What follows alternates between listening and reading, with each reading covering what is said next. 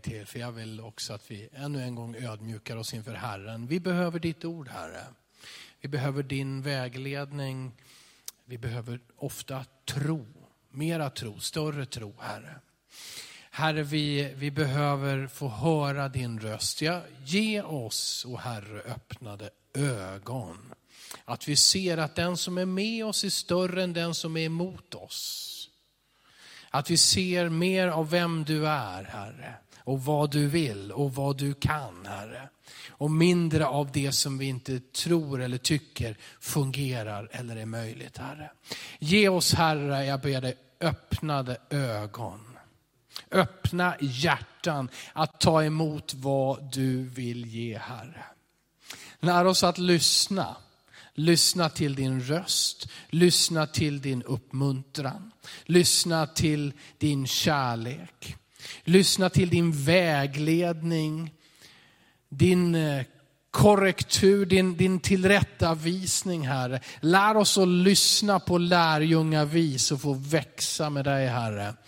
Herre Jesus Kristus, jag ber dig. I Jesu namn. Amen.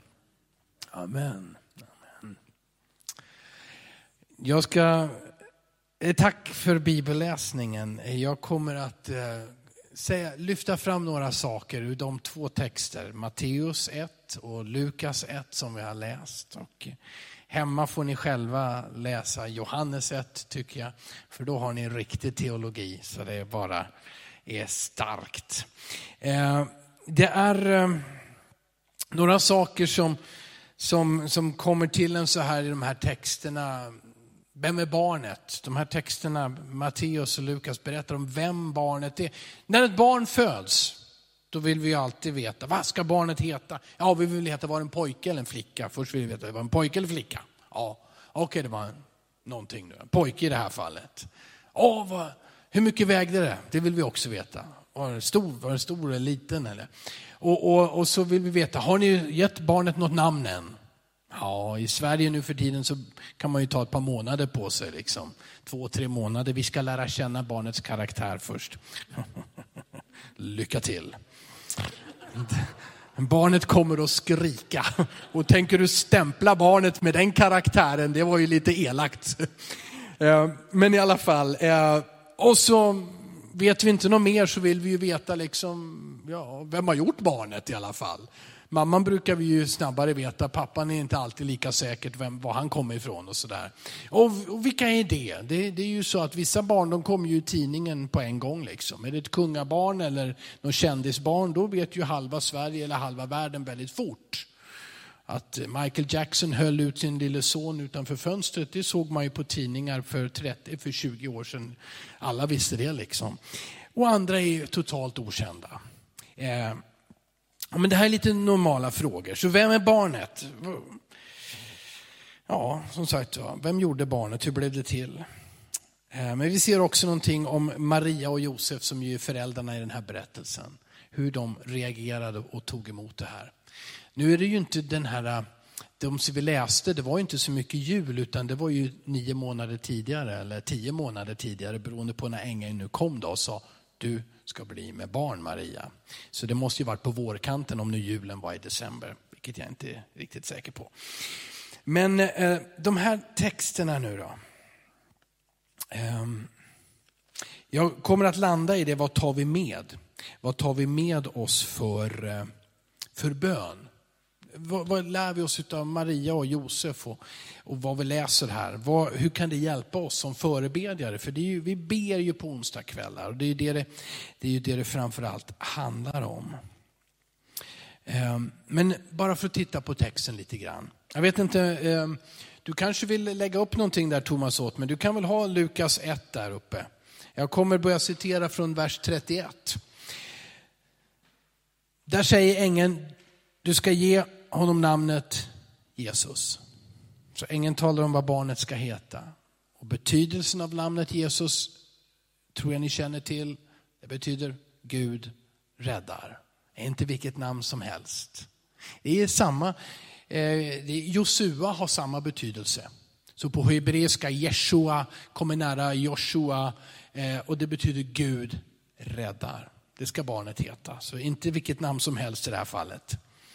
Eh, sen ska barnet bli stort, det kan ju betyda vad som helst. Ett stort barn. Eh, och kallas den högstes son. Det här får väl säga, det här fick Maria höra, men riktigt gick det här ju i uppfyllelse först efter Jesu livstid. Eller hur? Det var ju ändå i en hörn av världen, Israel, Palestina om man så vill, eh, där han föddes. Men nu kan man lugnt säga att namnet Jesus är stort världen runt, eller hur? Och vi känner honom som den högstes son, Guds son. Eh, det står att Herren ska ge honom hans fader Davids tron. Det där är ju intressant. Vadå, fadern hette ju Josef och David då, som man talar om levde ju för 1000 år sedan. Men det är ju David som fick ett löfte att du ska få en son. Han ska bli kung. Han ska regera för evigt. Och det kanske David hoppades när han såg att Salomo föddes, för det blev ju en fredskung som var visare än någon annan kung. Men också hans rike tog slut. Men här säger ängeln till Maria, Davids son, det är det barnet som du ska föda. Och det står i vers 33 då, han ska vara kung över Jakobs hus för evigt. Han ska alltid vara kung och så får du liksom stryka under det så säger han, och hans rike ska aldrig ta slut. Så det är en evig kung över ett evigt rike som föds. Det är sådana fantastiska saker. I vers 35 så måste ängeln lägga till, därför ska barnet som föds kallas heligt och Guds son. Det är så tydligt i Guds ord vem Jesus är, vem barnet är som föds. Det är så tydligt och som sagt var, tycker du att det här är otydligt, ja då får du läsa Johannes 1. För då blir det ännu tydligare. Det här är han som kan. Det här är han som vet. Det här är han för vilket allt är möjligt. Eh, Matteus, eh, vi kan ta, lägga till lite grann från Matteus. Han kallar ju honom, skriver så här, med Jesu Kristi födelse, det vill säga Jesus är Messias. Han är Kristus, den utlovade. Även där så citeras det och säger att hon ska föda en son och du ska ge honom namnet Jesus. Det här säger han ju nu till pappa Josef.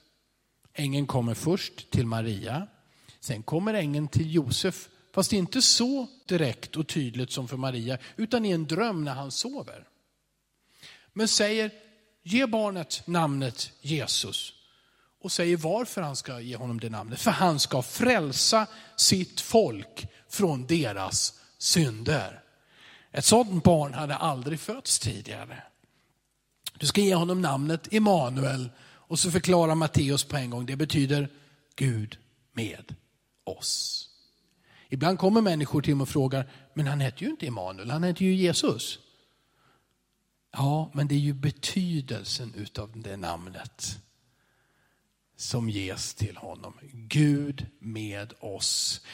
Han lämnade härligheten, han tog sin boning bland oss. Han bodde bland oss, han var med oss, han är med oss. Han är Jesus, Guds son. Det där är, tycker jag, sådana mäktiga sanningar. Det här hjälper oss, eller hur? Att kanske ta mindre fokus på julklapparna och lite mera på barnet som föddes. Precis som du sa, wow vilket barn som föds.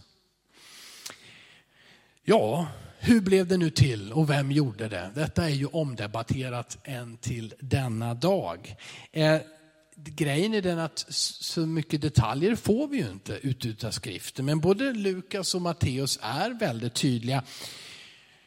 För Maria själv ställer ju precis den frågan som människor ställer sig. Hur ska det här gå till? Om ett sånt här mäktigt, fantastiskt barn ska födas, som ska frälsa människor från deras synder. Och som kommer från den högsta. Hur ska det gå till? Det har vi aldrig hört talas om. Och ängeln säger till Maria och till Josef, den heliga ande ska komma över dig och den högstes kraft ska vila över dig. Sa han till Maria och till Josef, barnet i henne har blivit till genom den helige ande. Och utlägger inte det mer än att den förklarar att det har med Guds kraft att göra. Hur reagerade Maria på det här?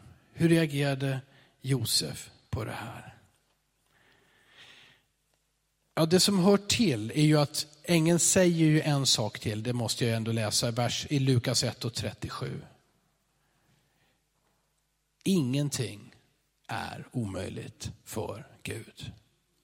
Och det är klart, i den här ekvationen att tänk, ställer vi frågan hur kan det här bli ett Guds barn? Hur kan detta ske? Hur kan det vara så att det saknas en jordisk fader? Det är klart att det blir omöjligt om vi tänker på människors vis och om vi tar ut Gud ur ekvationen. Men tar vi in Gud i ekvationen, ja men då är det ju hur logiskt som helst. Om Gud säger att han vill göra det, så kan han göra det. För ingenting är omöjligt, eller hur? Han har skapat himmel och jord.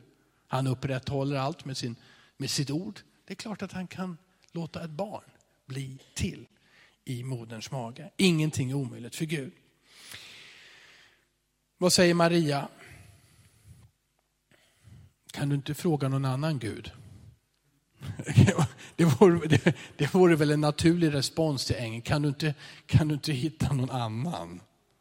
Jag hade nämligen tänkt, eh, kära ängel, att mitt första barn, det ska jag ta hand om. Måste det bli världens frälsare? Det, det räcker, jag behöver ett barn, jag vill ha ett barn. Jag är tacksam för en gåva från dig till mig. Vad då världens frälsare? Måste jag dela mitt barn med hela världen? Hon säger, jag är Herrens tjänarinna. Låt det ske med mig som du har sagt. Eh, den ödmjukheten är, är totalt beundransvärd. Och Josef då? Det är ju det här äh, som vi brukar säga, har du ätit mycket pizza kvällen innan så kanske du drömmer mycket. Han drömde att en ängel kom till honom. Men han kunde ha valt att skaka av sig drömmen, men det står att han gjorde som Herrens ängel hade befallt honom. Han lydde. Han tog sin hustru till sig, hon var ju hans trolovade. Han ville ju skilja sig från henne i smyg för att inte dra skam över hennes namn. Hon hade ju blivit med barn. Men istället så tog han sin hustru till sig, det vill säga de gifte sig. Han, hon blev verkligen Josefs hustru. Och han tog det med alla de konsekvenser som det här hade, för det står sen, han rörde henne inte förrän hon hade fött en son. Han avstod från den naturliga och förväntade intimiteten och sexualiteten tills hon hade fött Jesus. Sen vet vi att Jesus fick andra bröder, halvbröder och så vidare. Vad tar vi med oss nu då? För bönen, för bön till Gud, för förbön för andra. Ja, men det är just det här första nu då. Vem är han som vi ber till? Det är det vi tar med oss. Vi ber i Jesu namn. Vi kommer till honom. Vi ber till honom. Vad kan han göra, han som vi ber till? Och vad vill han, honom som vi ber till? Han vill frälsa alla människor. För honom är ingenting omöjligt. Han är av evighet. Det är honom vi kommer till. Om och om igen. Inte bara be i namnet Jesus som en formel, utan låta det bli levande för oss. Vem är det jag ber till? I vilket namn är det jag kommer? Det andra, jag skulle vilja säga så här också från denna text, inte bara för att jag är pingstvän, räkna med den heliga ande. Amen. För det är just därför som ingenting är omöjligt. Det står att den heliga ande ska komma över dig och den högstes kraft ska vila över dig. Precis den undervisning som vi får ifrån Bibeln. Vad gör den heliga ande när han kommer över en människa, när han fyller en människa? Jo, han ger oss kraft. Och i detta fallet så är kraften en sådan att ett barn uppstår, ett liv blir till i Marias mage. En oerhörd kraft, en skapande kraft, den helige andes kraft. Och tänk dig att Gud säger, den kraften, den helige ande, den kommer över dig och mig. Det betyder något för bönen, eller hur? Både när du själv ber för din egen skull och när du ber och utövar förbön för andra, för en stad, för människor. Den helige andes kraft. Att räkna med den i alla situationer. Vi blir väl ofta oroliga när vi ser att det inte är möjligt. Eller hur? Jag orkar inte, jag kan, det är för svårt. Jag oroar mig för saker går emot mig, saker ändrar sig aldrig. Eller hur? Då blir vi lätt oroliga, osäkra. Men vi som följer Jesus, vore det inte mer naturligt för oss att bli oroliga när allt ser möjligt ut? När vi har försäkrat oss på allt sätt. Jag har tagit hand om pensionen. Jag har räknat ut att jag har tillräckligt för semestern. Jag vet att det finns gott om tid, så det här hinner lösa sig. Är det inte det moment där du som en Jesu lärjunge egentligen borde börja bli lite osäker? Det är väldigt vad allt ser tryggt och bra ut. Är jag på rätt väg? För när man följer Jesus då verkar det som om man möter på omöjligheter hela tiden. Och utmaningar som är alldeles för stora för att försäkra sig mot, gardera sig mot, planera hur de ska lösas. Det kan väl vara ett ord både för oss bedjare, för dig som person och för oss som församling. Och det sista nu då. Okej, okay, vem är han? Det är, det är viktigt att ta med oss för oss när vi ber. Räkna med den heliga ande. Och det sista, som Josef och Maria, att verkligen ta emot det som Herren gör och det som Herren säger. Ta emot det i tro naturligtvis. Ta emot det i ödmjukhet. Jag tänker en gång till, och kanske upprepa det. Hon hade ju kunnat behövt behålla det där barnet för sig. Vi läser, Josef försvinner ur berättelserna. Så alla antar ju att Josef dog efter några år. Och då är ju äldste sonen är ju hennes pensionsförsäkring måste hon dela den med hela världen. Det här kan Maria mycket väl ha vetat redan som en ung kvinna.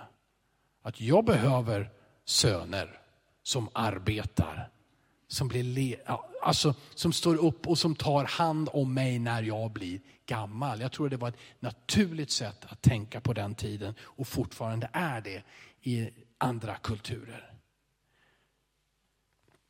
Men hon säger, låt det ske som du vill, Herre. Som ängeln säger. Det finns en sån ödmjukhet. Vi måste påminna oss.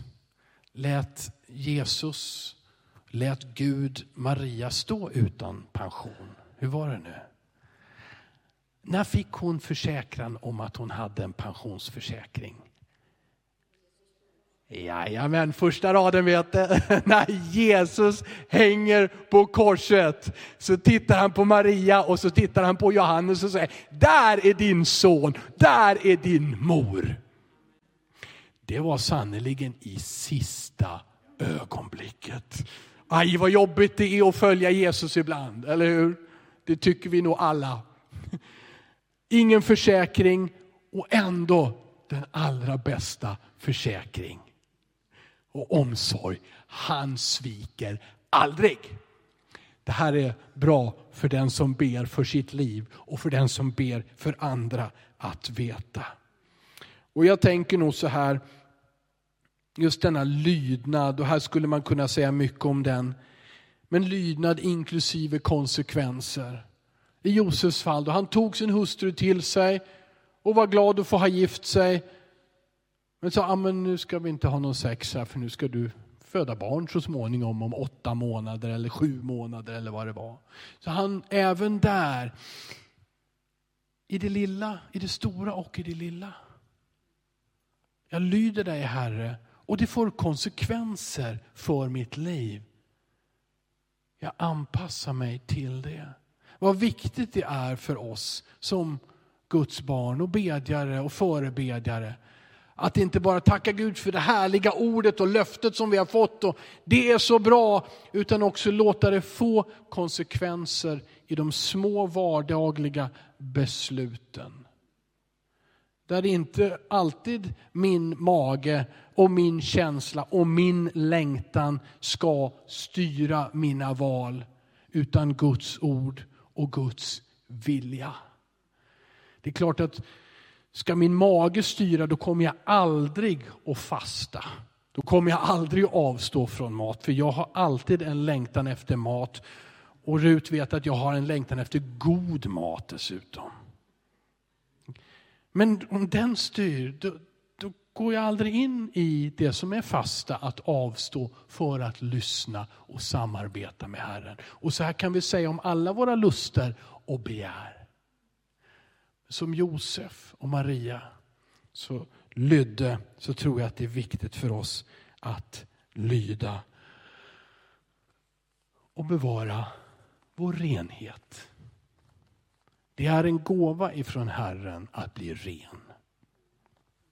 Det sker genom Guds nåd, förlåtelsen, genom Jesu blod så blir vi rena.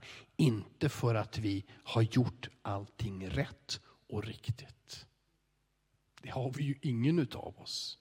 Men vi får ta emot det som en gåva. Och då tror jag också i det att utav den kraften, utav den nåden säga, jag vill också leva rent.